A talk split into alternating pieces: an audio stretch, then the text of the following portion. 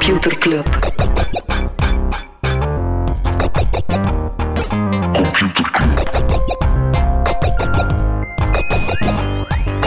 Computer Club. Hey Bram. Dag Freddy. Het is hey Freddy. Ah. ja, doe- nee, nee, nee. nee, Hey nee. Freddy. Welkom, welkom in Computerclub.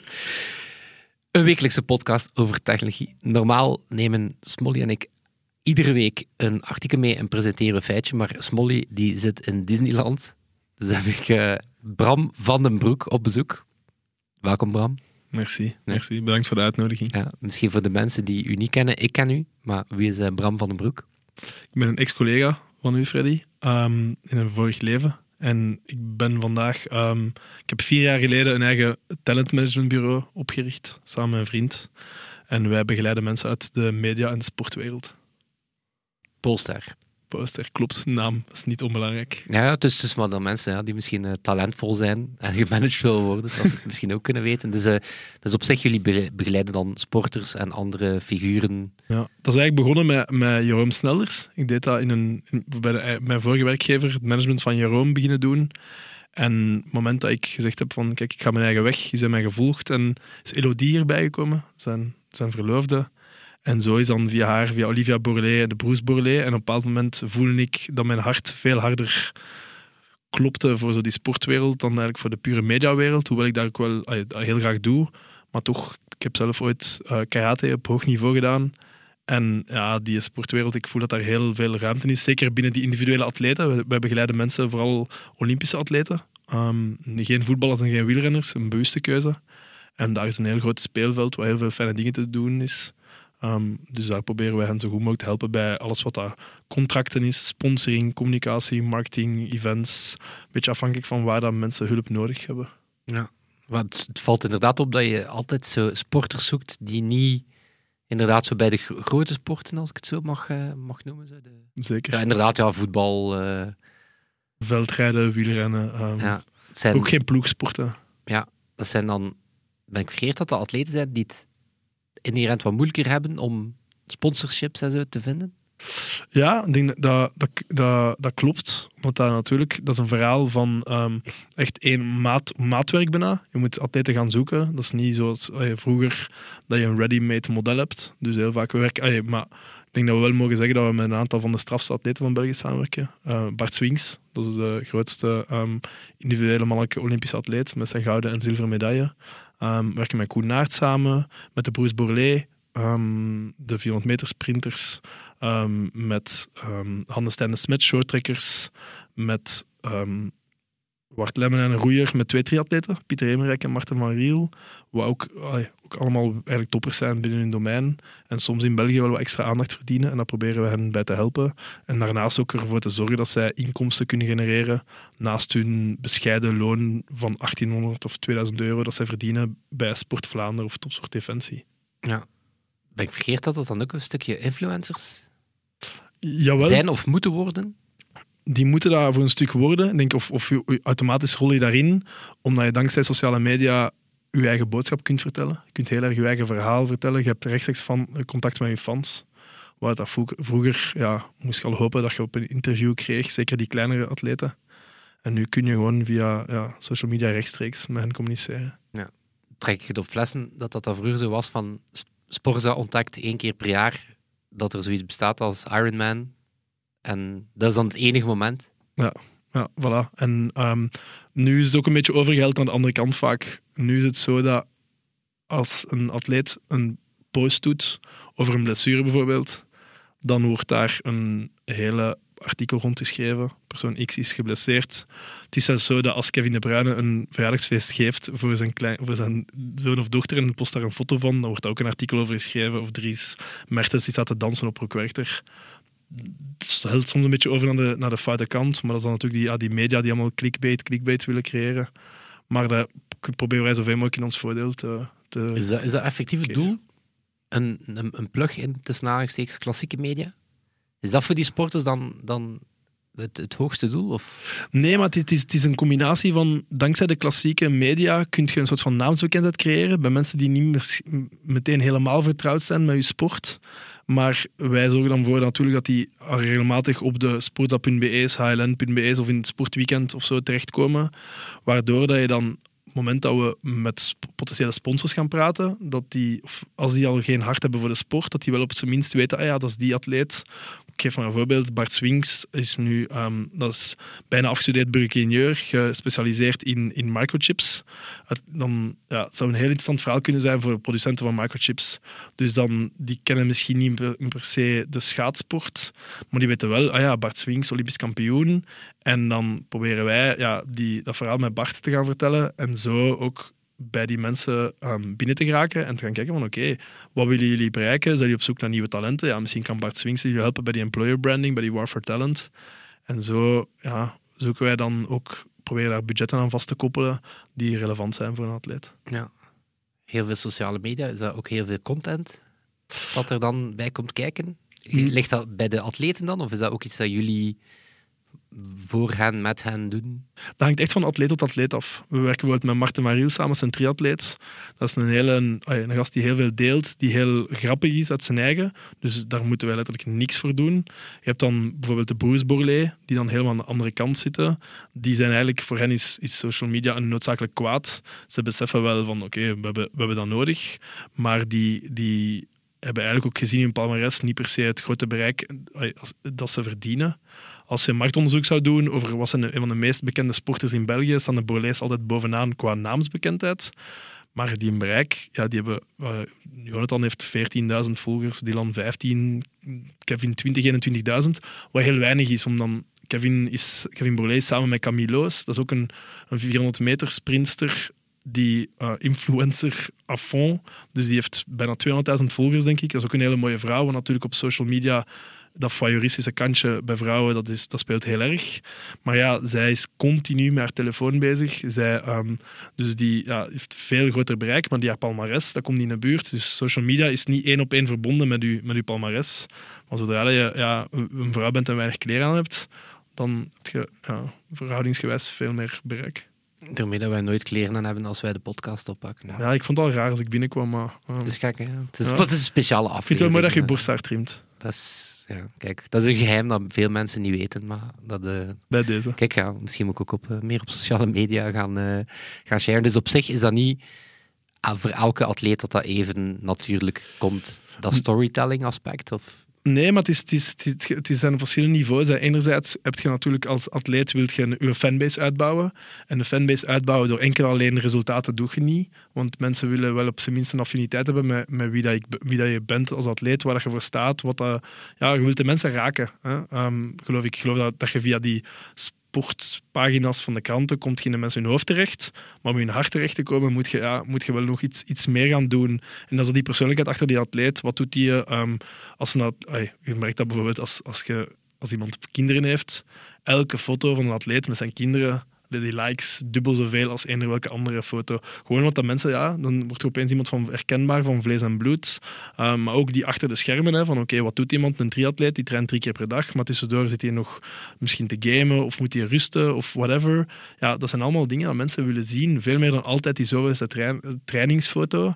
Um, en ook daarnaast, als je veel op social, media bezig bent als atleet, dan krijg je, krijg je ook interactie. Want je hebt echt atleten die elke elke vraag die ze krijgen, daarop gaan antwoorden. Elke reactie dat er komt, daarop antwoorden. Want ja, dat is ook het, het algoritme natuurlijk van, van Instagram.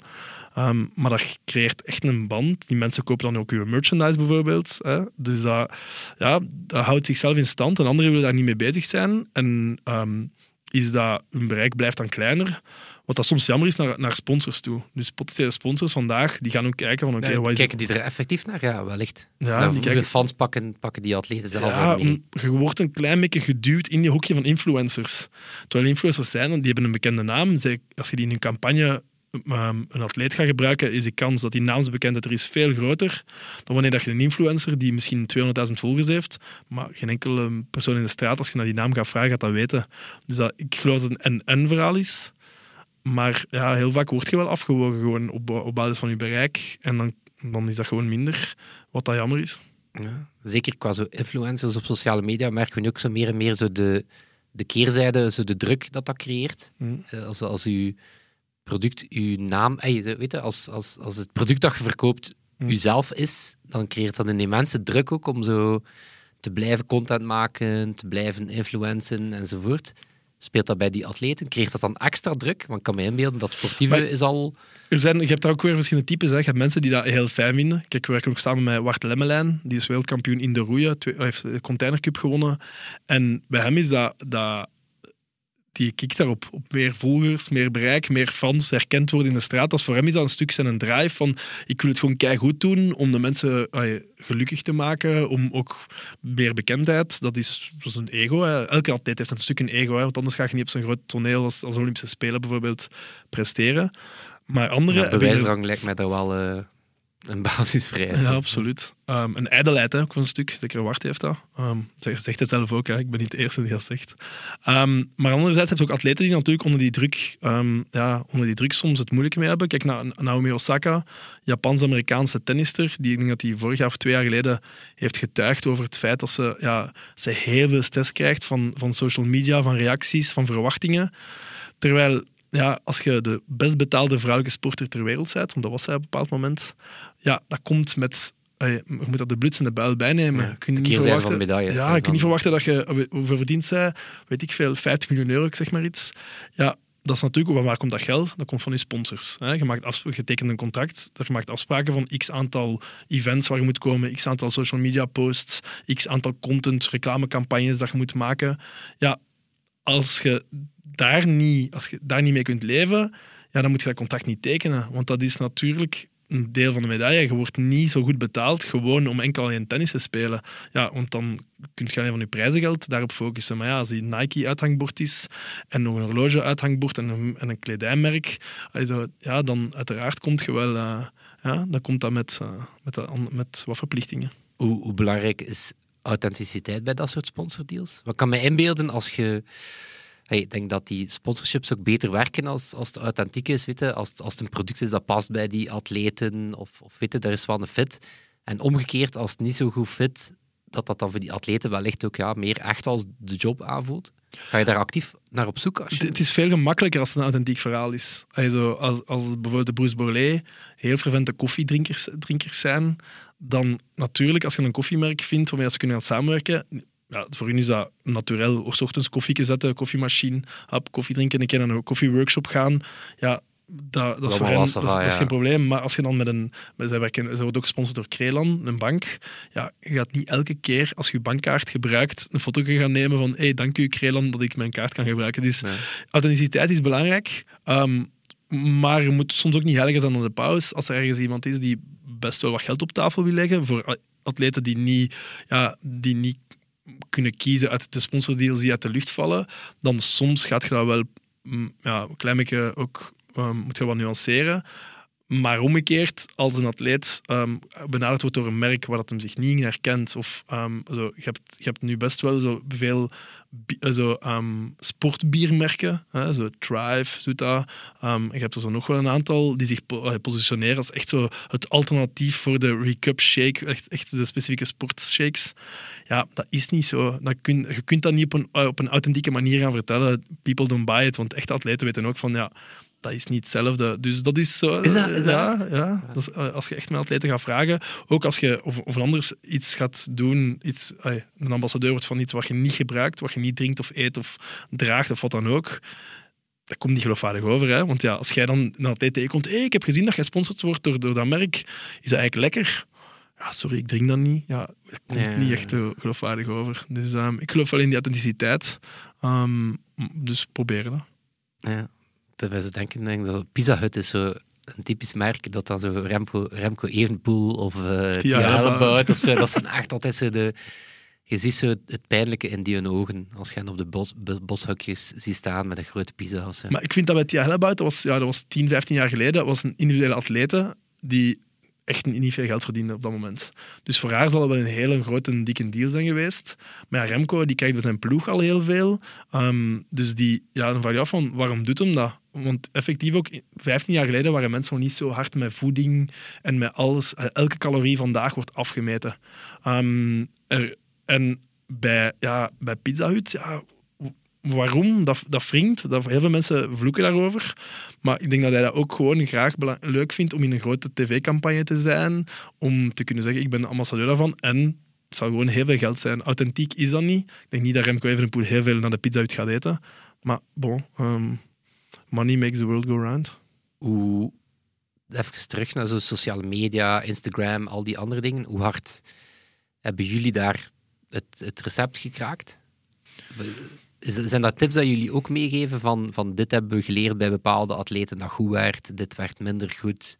Want ik denk dat iedereen is op zoek naar ja, hoe kan je het algoritme Ik denk- succesvol... Ik denk dat we dat te weinig gekraakt hebben, omdat wij niet... bedoel, ons ba- basisverdienmodel is niet ehm, social media posts. Dus vragen hoeveel kost, één, kost om één reel en drie stories te doen, dat doen wij niet. Dus daarvoor dat we daar niet hard genoeg mee bezig zijn. Voor ons is het gewoon van, er moet een consistentie in zitten. Je moet afspraken die je maakt met je partners, dus dat, dat zeggen wij ook. Maar we zeggen vooral tegen atleten, doe je eigen ding. Als je geen influencer bent, moet je daar niet elke dag of elke week mee bezig zijn. Maar er moet wel een soort van... Als er te veel posts verschijnen die niks met de sport te maken heeft, bijvoorbeeld, dan zeg je op een moment van oké, doe dat wel, want er mag niet de perceptie ontstaan dat jij vooral bezig bent met extra sportieve zaken en dat de sport jezelf niet meer interesseert. Want er zijn heel veel stakeholders, BOIC, uw Sport Vlaanderen, uw federatie, die ook allemaal wel u met een, met een vergrootglas volgen. Dus als het goed gaat, dan is dat allemaal geen probleem. Maar op het moment dat het ergens wat moeilijker begint te gaan, ja, dan, dan moeten ze geen stok geven om te slaan. Ja, dus de storytelling, dat moet wel blijven. eh. Ja, ja, voilà. En, en ehm, het moeilijke is ook bijvoorbeeld, je kunt een atleet, also, ik zou heel graag met één of meer van onze atleten een YouTube-kanaal beginnen. Maar die atleet die dat zelf wilt filmen en montage, er zijn heel veel atleten die daarmee bezig zijn, maar dat moet echt uit hunzelf komen. Of je moet iemand in je omgeving hebben die je dag in dag uit wilt filmen, want dat kost ook gewoon veel geld. Hè. Een contentmaker, dat kost geld. Dus dat is echt maar voor de happy few. De, also, een tennisser, een Tsitsipas bijvoorbeeld, die is daarmee bezig. Ja, die tennissers verdienen gewoon een pak meer dan die kleinere Belgische Olympische atleten. Terwijl daar ook, daar is een, daar is een, daar is een businessmodel, maar daar zijn we nog niet. Dus dat hebben we nog niet gekraakt. Ja, omdat inderdaad met YouTube kun je op, zich wel, op zichzelf wel geld verdienen. Nog los van sponsordeals en andere. Maar het is, een, het is eigenlijk een tijd, een tijd- en geldinvestering die je, weken, maanden duurt voordat dat effectief, dat je genoeg subscribers hebt opgebouwd, genoeg views gaat krijgen, zodat mensen effectief, dan, dat je daar een verdienmodel dat YouTube je gaat beginnen betalen daarvoor. Helpt dat dat die atleten zelf zo digital natives zijn, of toch, toch stilaan van de leeftijd, dat dat heel vanzelfsprekend is, dat, dat online presence erbij hoort? Dat meer en meer, also, we werken met een jonge snowboarder samen, Jules de Slover, die is 20, 21. Ja, voor hem die, die is met niks anders bezig. Voor de Borlees, die 35 zijn, voor hen is dat veel, is dat veel minder evident. En ja, soms ook krijg je wel van die stomme vragen. Ah, hoe kan ik dat nu van mijn computer op mijn telefoon... Ah, zo, hoort wat je oma aan u vraagt, spreken. maar dan Dat Kevin Borlée. Dat komt van hen ook, ja, voilà. terwijl dat hij zijn koffietje aan het, eh, aan het drinken is. aan het drinken is. Oké, stel dat je mij de pitch geeft. Stel dat ik een eh, compleet mediocre eh, zwemmer ben. Dus ik ben een ongelooflijk middelmatige zwemmer van de 1 kilometer crawl. Zelf niet eens competitief, gewoon elke middag in het Van Eyck zwembad. Hm. Wat is de, wat is de Polestar pitch voor mij? Hoe gaat het mij, hoe gaat het mij vastpakken? Maar ik denk, hoe kun... Er zijn nog heel veel matige, veel meer matige duizend meter zwemmers dan dat er top duizend meter zwemmers zijn, want dat is een happy few. En denk ik veel meer met u zou gaan kijken, oké, hoe kunnen wij die matigers zoals u, hen gaan bereiken en hen beter maken. Ehm, en ervoor zorgen dat je die content gaat maken die heel veel mensen aanspreekt. Ehm, maar ik zou eigenlijk in de eerste plaats zou ik vooral zeggen van blijf bezig, we kunnen niks voor u betekenen. Eh, Want ik heb dat, zo, soms gaat je, in het verleden heb ik wel met mensen begonnen samenwerken, dat ik dacht van ik geloof daarin, maar na verloop van tijd komt het er niet uit en dan zit je een beetje vast, hè, omdat je natuurlijk ook wel naar hen soms een pitch hebt gedaan om hen te overtuigen. En dat gaat niet. Ik, ik leer meer en meer. Als ik het niet voel, dan moet ik het gewoon niet doen. Ehm, echt, echt met de mensen ding, ze- samenwerken waarin dat je, dat je gelooft. Ja. Misschien nog eentje, voordat we dan beetje naar technologie en sport kijken. De, het belang van collabs, is dat iets? Maar dat merk je wel zo bij influencers of bij anderen. Zo het, ja, gewoon de waarde van een goede, een goede samenwerking opzoeken met andere atleten of met andere merken. Zo. Ehm, ja, ik, dat een frisse dynamiek? Absoluut. Ik denk Marten Mariel, de triatleet met wie we samenwerken, ja, die woont in Girona. We hebben vorig jaar een, we helpen gefaciliteren dat Average Rob bij hem langskwam. Ehm, Marten was eigenlijk op dat moment geblesseerd. Hij heeft een heel moeilijk jaar gehad. Ehm, maar dus ja, we hebben dan zijn heeft een, custom-made outfit. We hebben die dan laten maken ook voor Rob en zijn broer die op bezoek kwamen. Dus ja, die dragen dan alle drie een hele flashy roze gele outfit. We hebben gezorgd dat ze de, al hun andere sponsors, de fietssponsor, de horlogesponsor, uit die ook allemaal aan bod kwamen. Ehm, en op die manier krijg je eigenlijk weer een return naar sponsors, wat, die, wat dat Martin niet kon doen dat hij geen races deed. En eigenlijk, als je dan ook achteraf ziet dat Average Rob die triathlon is gaan doen, dan zeg je op een bepaalde wel fier dat dat uit, uit die collab met Martin en, en, en Rob verder komt. Dus dat is zeker, also, dat is zeker iets wat, we, wat we proberen. We hebben ook, de, de Borlees hebben een keer aan de Belgian Cats een training gegeven, dat dan ook nieuwstukken rond verschijnen. Dus um, super interessant, maar ook daar denk ik wel dat we nog, nog te weinig mee bezig zijn. Um, dat we misschien te weinig. Ik vind dat heel, altijd cool hoe dat een club zoals Anderlecht, die zijn daar ook heel goed in. Die werken met jonge artiesten, um, zowel artistiek als muzikaal samen en zo. Ik vind dat um, ja, zeker iets in de sport nog meer kan gebeuren om die crossover tussen entertainment en, en sport te maken. Ja, dat is inderdaad zo'n ploeg die ook qua zo storytelling en content maken ook wel, wel lang coole dingen doet. Hè? Toch? Ja. Ja, absoluut. Ja, Shout-out naar Tim Borga, dat is een collega van mij die daarmee bezig is. En die zijn, uh, ja, ik vind dat heel, heel, heel cool dat zij zo die Brusselse catches omarmen. En daar ook wel zo die mand met hun fans uh, kunnen, kunnen versterken. Ja. Oké, okay. we gaan naar een volgend hoofdstuk in deze podcast. Nu zit hij zo naar je scherm te kijken van, hè, welk, welk volgend hoofdstuk? Dat is gek, hè? Nee, sport en technologie. Heb er net al kort even aangehaald. Zo, elke calorie wordt, wordt gemeten. Ik denk dat jij op zich bij alle atleten wel een goede inkijk zult hebben in hoe dat ze met hun sport omgaan. Merk je dat dat heel technologisch is geworden? Ja, ik denk heel, dat... heel open vraag natuurlijk. Hè? Ja, ik denk dat elke, elke parameter die gemeten kan worden vandaag, die wordt gemeten bij topsoorters. Uh, als het gaat over, over hun slaap, hartslag, lactaat, um, alles, wat, wattages op de fiets of op de roeiboot of wat dan ook, dat wordt allemaal gemeten. Ik denk dat er heel weinig dingen zijn die nog, die nog uh, puur enkel alleen naturel is. Hè? Een, een, een, hele goede sportman die heeft natuurlijk de mix van buikgevoel en, en parameters, also zijn gemeten waardes.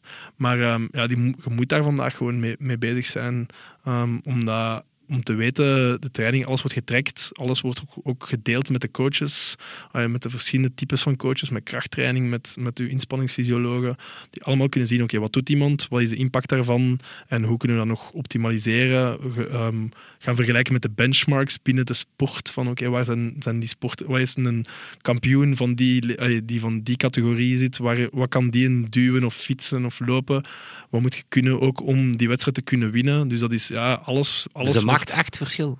Ja, maar absoluut. Je, je, moet gewoon van jezelf kunnen uh, vergelijken met de rest. Het gaat bijna allemaal over vergelijken, vergelijken met jezelf. Als je in het begin van het seizoen, als je nog niet in vorm waart, of een jaar geleden, als je in topvorm waart voor die wedstrijd, wat, doet, wat doen mijn concurrenten? Um, daar zijn die, al, al, die, al die waarden super belangrijk voor. Ja, maar ik had zo een beetje een, een assumptie of zo, dat dat ook voor een stukje, ik kan niet zeggen zo wat bijgeloof wordt of zo. zo het, die fixatie op alles meten en zo, dat dat ook meer... Ze zeggen soms dat dat, dat sport ook een stuk kapot maakt. Hè? Als je te veel gaat op die waarde, gaat, als je enkel alleen met die waarde bezig bent, dat was zo een, een kritiek die er, die er wel is, tijd is geweest met het wielrennen. Hè? Dat, ja, een wielrenner die ziet natuurlijk zijn waarde die aan het trappen is, de hartslag die hij heeft, en ben ik goed of niet. En eigenlijk hebben zo de, de Remco Evenepoels, de Pogacars van deze wereld, die hebben eigenlijk allemaal bewezen van Van der Poel ik fiets op gevoel. En ik kan wel gewoon dat die sport blijft spectaculair. En dat is wel, dat is wel tof om te zien dat dat effectief, dat is een leidraad, maar je mocht je daar niet op blind staren. Je moet een stuk jezelf, je gut feeling ook, ook volgen. En dat is gelukkig bij, ja, bij wielrennen en veel andere sporten blijft dat. Ik bedoel, de Borlees ook, die, die sporten al 15 jaar, dus die weten heel goed wat hun lichaam aan kan en niet aan kan.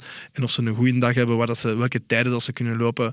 Die weten wij dan spreken in het begin van het seizoen al, oké, ik voel me nu zo, dat gaat eruit Dat komen. gaat dan tegenaan gaat pieken. Ja. En, uh, en dan gaan die, gaat die data misschien wel zo nog dat incrementeel verschil of zo een beetje kunnen maken op een bepaald moment? Of... Ja, en, en ook weten hoe dat je je trainingsplanning moet opbouwen. Van oké, daar hebben we nog een beetje dat tekort. Of, of we missen daar nog een beetje in, in, in, in, die uithouding of dat vermogen. Of, en dat, um, ja, dat maakt het ook, ook weer interessant om dan uit het schema daarop aan te passen. Of om te kijken, kunnen we nog een stap verder gaan? Want het, gaat eigenlijk also, het, de, het niveau van, van trainen, van topsport, denk, heeft nog nooit zo, zo hoog gelegen als, als vandaag. Denk dat door de we- verwetenschappelijking van is het nu wielrennen, is het ay, marathon bijvoorbeeld ook. Het gaat dan over die schoenen, maar het gaat ook over de manier van trainen. Hè, zo, dat was twee, jaar, eh, twee, week, twee maanden geleden. In Berlijn is het, nee, in Chicago is het wereldrecord verbroken op de marathon door Kiptoum.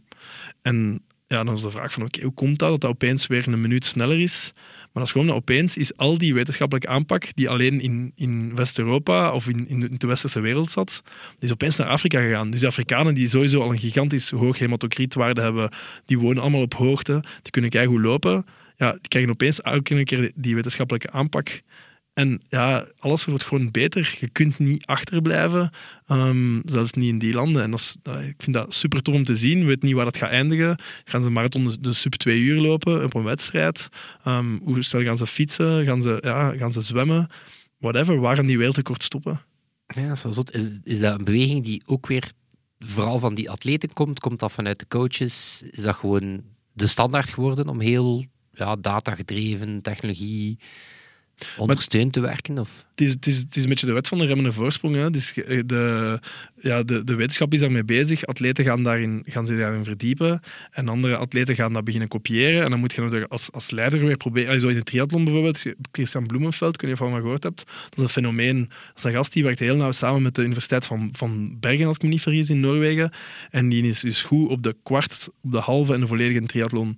Die wint dus in één jaar de Olympische Spelen en een volledige triathlon, wat dat on- ongezien is in de, in, in de triathlonsport. En dat is puur doordat hij zo data- data-driven met, zijn, met, die, ehm, ja, met die data is, met die wetenschappers rondom hem, die alles wat hij doet, van zijn ademhaling, zijn slaap, alles, de manier waarop hij loopt, alles wordt daar getest. En als je die ziet, dat is niet eens een, ziet er niet uit als een topsporter. Die dat lijkt zo'n beetje een, een berken met een paar kilo's te veel. Dus die, die wint daar alles. Maar het jaar nadien natuurlijk, wat doet iedereen? Die, die gaan copy-pasten, bij wijze van spreken. En dan is het al moeilijker voor hem om, om dat te gaan bevestigen. Van, dus ik ben heel benieuwd hoe dat, hoe dat dan nu gaat blijven, blijven evolueren. En zo is altijd. Hè. Je hebt altijd kle- kleine sprongetjes en dan doet iemand iets nieuw en dan gaat al de rest dat ook gaan doen. En zo gaat dat niveau altijd omhoog. Hoe, hoe geraak je aan die data? Maar ik kan me dan inderdaad inbeelden dat zo de data van zo'n persoon extreem waardevol is om inderdaad te zien hoe dat die schema's zaten enzovoort. Is dat, wordt, dat openlijk gedeeld? Is dat... Maar eh, ja, je hebt, je hebt natuurlijk de, de klassieke platformen waar dat heel veel sporters gevolgd worden, Strava en, en, en zo verder. Ehm, maar je hebt natuurlijk ook, ehm, als je met universiteiten samenwerkt, dat zijn allemaal professoren, die publiceren daarover, die zijn er trots op dat ze dat bereikt hebben, die, die delen dat dan.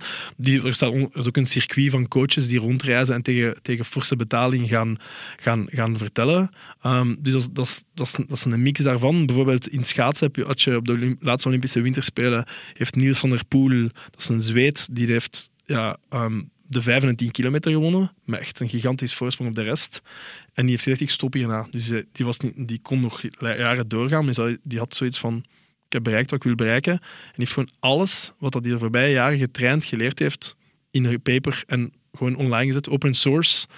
Gebruik de informatie. Bart Swings, ja, die haalt daaruit wat hij het beste kan gebruiken. En die, die gebruikt dat nu ook. Dus zo heb je in veel sporten ehm, ja, veel data. Maar ja, ook wat ik net zei, gewoon Strava. Veel, veel atleten vinden ook tof. Die hebben dat ook nodig. Net zoals bij die social media, soort van bevestiging, kudos van, van de volgers. Om zo te zien, oké, waar, ehm, ja, waar trainen die, hoeveel trainen die. Maar ook dat weer zo zijn, zijn keerzijde van de medaille, omdat uw concurrenten zien ook wat dat je doet. En bijvoorbeeld onlangs Pieter Emerijk, een triatleet met wie we samenwerken, die, ging, ehm, ja, die heeft in, in, in Portugal een marathon gedaan. Die was aan het lopen en hij was tweede. En degene voor hem, hij volgt die op Strava en hij weet van, nou, die gast heeft niet meer dan 25 kilometer gelopen in zijn trainingen. Dus, dus de kans dat hij gaat instorten is heel groot. Dus mentaal weet hij, ik ga gewoon blijven in tempo lopen, die gast gaat instorten en ik ga die niet halen. Het is effectief gebeurd. Dus dat is ook zo, je moet opletten van, niet iedereen doet dat. Hè, want bijvoorbeeld bij Remco, die deelt ook bijna niks. Of sommige waarden worden afge, afgeschermd, ook bewust. Want ja, de media willen ook heel graag data tonen. Tijdens documentaires ze live-uitzendingen. Maar niet alles wordt gedeeld. Omdat je moet je concurrenten soms ook niet slimmer maken. Maar bon, niet iedereen is slim genoeg om dat te beseffen. We hebben nu heel veel gepraat over zo, ja, echte atleten tussen aanhalingstekens. Mm. Of ja, nee, echte atleten, eh, topsporters en zo. La- ik weet dat er veel mensen van computerclub ook lopen of fietsen. Nou, Ik denk niet dat er ooit al meer amateurfietsers geweest zijn of, eh, of dat de loopsport eh, beoefend wordt en zo. Hoe belangrijk is technologie daar? Of is dat, is dat daar vooral is dat daar wel zo wat een gimmick? Of is dat ook effectief voor... Maar nee, dat, ik denk dat, ik denk dat een, een, als je een sporter of een fietser bent, dat zo een, een, een loophorloge, een sporthorloge, smart, smartwatch is een, is een onderdeel. Omdat je natuurlijk, ja, je, je, wilt, je wilt zien wat dat je doet. Je houdt dat bij, je deelt dat via Strava, wat zelfs voor een, gewoon ook wel tof is, omdat je vrienden kunt uitpakken. Het is ook een beetje die... Mensen moeten vandaag al een marathon lopen of zelfs langer om te kunnen uitpakken. Dus, dus dat is ook wel belangrijk geworden. Um, maar ik denk dat daar ook technologie gewoon, dat helpt ook die coaches, daar ook aan hen inzicht geven. Maar het kan ook op een meer speelse manier zijn. Het kan een soort van gamification zijn. Het kan, um, ja, daar is bijvoorbeeld um, um, Zwift en Roovy, dat zijn zo fietskanalen waar je kunt gaan fietsen tegen elkaar digitaal op de rollen. Dat is ook gewoon leuk, omdat het slecht weer kun je toch nog met je vrienden iets sociaal gaan doen of tegen andere mensen gaan racen. Uh, je hebt EXR Game, dat is ook een roei op de roeimachine. Spel, een beetje het, hetzelfde concept, waar je gewoon kunt tegen elkaar roeien of proberen records te verbreken. Dus ik denk dat ook gewone mensen kunnen daar, daar heel, veel, uh, heel veel voordeel uit halen, tot zelfs het mediteren en zo toe. Hè. De ontspanning, want sport is ook voor heel veel mensen ontspanning. Ik denk, denk dat dat technologie daar zoveel, zoveel kansen biedt. Dat, um, ja, dat iedereen op zijn manier daarmee bezig is. En, en ik ben bijvoorbeeld ook heel grote fan van Trainara. Dat is een, een, een, een artificial intelligence gebaseerde trainingstool. Hè. Dus de mannen van, van Gent, denk ik zelfs, die daar hebben opgericht om zo mensen, ik denk dat die vandaag een paar tienduizend actieve uh, gebruikers hebben, gewoon loop. Die maken loopschema's en op basis van, is geconnecteerd met je, met uw Garmin en uw, of uw, met je sporthorloge en uw Strava. En dan ziet hij wat je gelopen en wat weten wij dat je nog nodig hebt om, om te verbeteren. En die geeft u basis van uw parameters die je op voorhand ingeeft van ik loop zoveel keer per week, ik heb zoveel tijd, geeft u een schema om steeds beter te worden. En dat is mijn doel waarvoor ik train. Dus ook daar zijn van die, uh, is dat vandaag super gemakkelijk om, uh, om, je moet niet naar een sportschool gaan, je moet niet zo veel een, een, coach hebben. Soms is het gewoon laagdrempelig, de technologie die u helpt om je schema's te maken. En zo, wat is mijn volgende sportmoment? Kan ik het best wel maken? Wat is jouw volgende sportmoment, Bram? Dat, wel, dat is een beetje de frustratie in mijn leven. Ik heb er nog geen. Um, ik heb het heel druk op het werk en ik kan me niet nu engageren om echt op vaste tijdstippen per week te gaan trainen. En dat heb je nodig als je naar een doel gaat. Ja. En dat van u? Gewoon gemiddeld, die kilometer blijven zwemmen. nee, nee, ik, top, topsport, cafévoetbal. Ja, dat is uh, topsport. Ja, absoluut, absoluut. Vorig seizoen uh, kampioen geworden in de eerste divisie van het cafévoetbal. ja, dan zeiden ja, dan, dan zeiden er. Hè. Dus uh, herbevestiging. Maar echt, je wordt even echt voetbal op het veld? Of, ja, het, of de, een, ik, ik was nee, even nee, aan nee, de echt op een veld, op een veld Ah, ja, maar wel, eh, wel geen 90 minuten. Hè. Dat is Ah. veteranenvoetbal. En uw rug kan aan. Ja, net, nog net. Ah. Nog net. Ja, lopen dat is voor mij wel... eh, misschien moet ik een keer naar West Runners Lab. Wat, deftige, wat deftige schoenen kopen. zo. Maar wat ik wel merk, zo binnen alle, binnen- vanuit mezelf en elke topsporter, iedereen jaagt elke vorm van sport toe. Moet gewoon, iedereen moet op zijn niveau bewegen. En of dat nu voetbal is, je omschrijft als cafévoetbal, maar jij geeft daar het beste van jullie zelf elke, elke week. En dat zorgt ook voor sociaal gegeven met je vrienden. Dus vooral blijven doen, Ja. Bram, mag ik je bedanken om het beste van jezelf te geven. absoluut. Ja. Ik vond het tof om langs te komen. merci voor de komst naar de studio.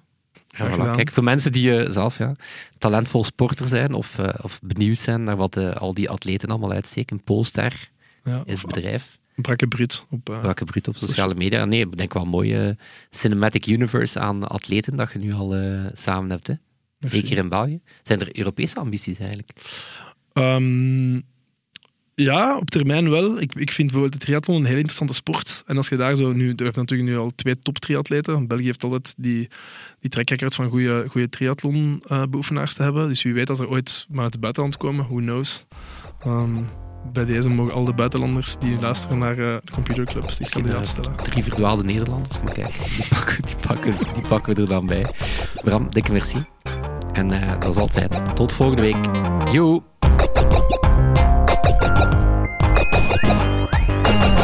Computer Club.